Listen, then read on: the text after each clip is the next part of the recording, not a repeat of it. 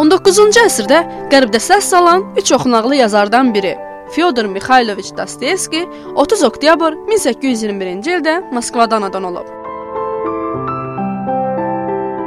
Hərbi həkim olan atası Mixail Andreyeviç olduqca sərt və disiplinli insan olduğundan övladlarına da komandir sərtliyi davranır. Eyni zamanda atasının içki düşkünü olması da bu sərtliyə təsir edir. Anası Mariya isə xəstə olmasına rəğmən övladlarının təhsilinə xüsusi diqqət yetirir. Onların ibtidai təhsili ilə məşğul olur.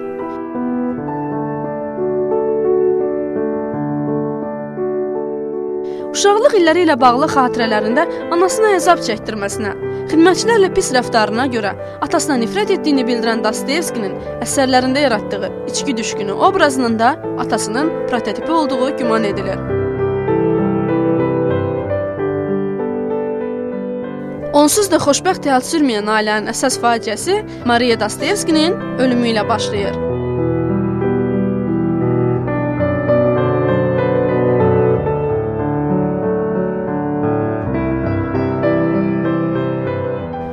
sonra tamamilə içki aludəçisinə çevrilən ata Mixail Andreyeviç altı övladın hamısına baxacaq qədər imkanı olmadığı üçün uşaqlardan yalnız ikisini öz himayəsində saxlayır. İkisini isə xalası tərbiyə etmək üçün götürür.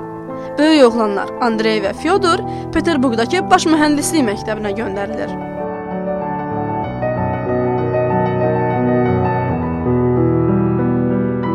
Xatirələrində hərbiyə nifrət etdiyini bildirən Dostoyevski təhsil illərində vaxtının çox hissəsini mütaliəyə həsr edir. Mümkün olduğu qədər çox oxumağa çalışır. Elə bu səbəbdən də yazar mühəndislik məktəbindəki təhsilini başa vurduqdan sonra yalnız 1 il peşəsinə uyğun olaraq kiçik leytenant kimi çalışır. 1 illik iş fəaliyyətindən sonra istefaya çıxan Dostoyevski özünü bədii yaradıcılığa həsr edir.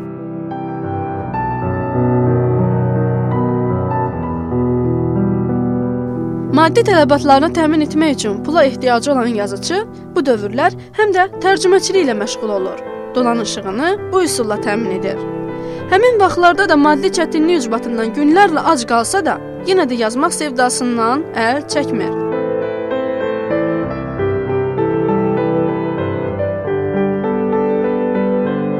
Və nəhayət 1846-cı ildə ilk romanı olan İnsancıqları çap etdirməyə nail olur.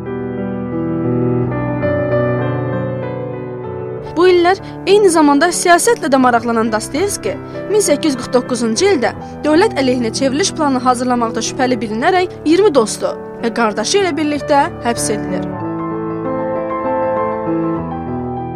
8 aylıq həbs cəzasından sonra edam olunmaq üçün müəyyən olunmuş yerə aparılarkən isə yolda əf qərarının verildiyini eşidir. Yazarın ölüm cəzası 4 illik kürək, 6 illik həbs cəzası ilə əvəzlənir. Cəzasını çəkmək üçün Sibirə göndərilən yazar burada müxtəlif taleyli insanlarla tanış olur və özü də bilmədən gələcək əsərlərinin qəhrəmanlarını tapar. Cəzasının 4 ilini başa vurduqdan sonra gizli rütbəsi ilə orduda xidmətə başlayan Dostoyevski 1859-cu ildə azad edilir və Peterburqa qayıdır.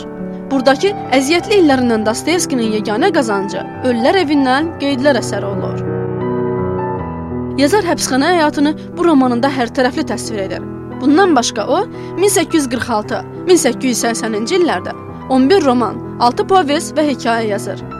Bu sıraya alçaldılmış və təhqir olunmuşlar, Qumarbaz, Yeniyetmə, İdiot, Ölülər evindən qeydlər və sairə kimi romanlar, Bəyaz gecələr, Gülməli insanın yuxusu, Əbədi ər və sairə kimi hekayə və povestlər aiddir. Yazıları üçün bədbəxt hadisələrdən ilham alan bu yazıcı sanki sevdiyi qadınları da müəyyən bədbəxtliklərlə üzləşən şəxslər arasından seçirdi. Çünki yazarın ilk həyat yoldaşı dul qadın Mariya Dmitriyevna həm də vərəm xəstəsi idi. Evlilik həyatından sonra yazarın üzərinə düşən məsuliyyət iki qat artır.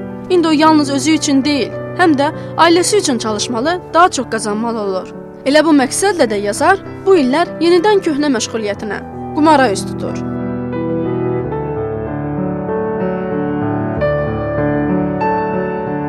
Bir gecədə qumar oyununda bütün var-dövlətini itirən Dostoyevski borcları səbəbilə ailəsini Peterburqda qoyub ölkəni tərk edir. Sonralar köhnə naşir dostlarının köməyi ilə ölkəyə qayıdır.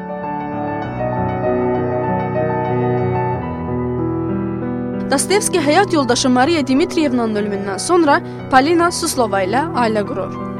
Lakin maddi çətinliklər ucbatından bu evlilik də uzunömürlü olmur. Bu dövrlər kitabları bir-birinin ardınca nəşr olunan yazar kifayət qədər pul qazansa da, qazandıqlarının çox hissəsini qumarda uduzur. Əlində qalan pullar isə yalnız ərzaq ehtiyacını qarşılamağa yetir.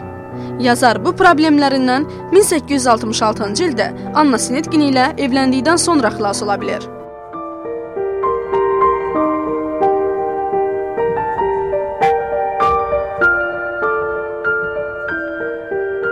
Yazarın həyatını, eyni zamanda büdcəsini qaydaya salmaqla məşğul olan bu qadın mükəmməl həyat yoldaşı olur. Annanın nəzarəti nəticəsində Dostoyevski tez zamanda borclarının mühüm bir qismini ödəyir. Nəhayət, o da xoşbəxt evlilik yaşamağa başlayır. Amma bu xoşbəxtlik də çox çəkmir. Həm Annanın, həm də Dostoyevskinin səhhətində problemlər yaranır. Yazar 25 yanvar 1881-ci ildə ciyər qanaması ilə yatağa düşür. 28 yanvarda isə artıq zamanının tamam olduğunu özü də bilən yazıçı səhər gözlərini bilirəm ki, bu gün öləcəm sözləri ilə açır.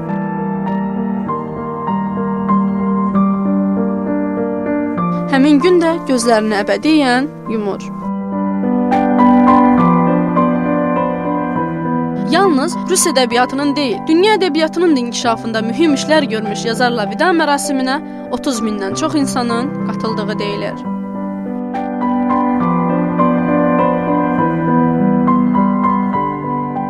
Aynur Nəbili, Gənclərin Səsi Radiosu.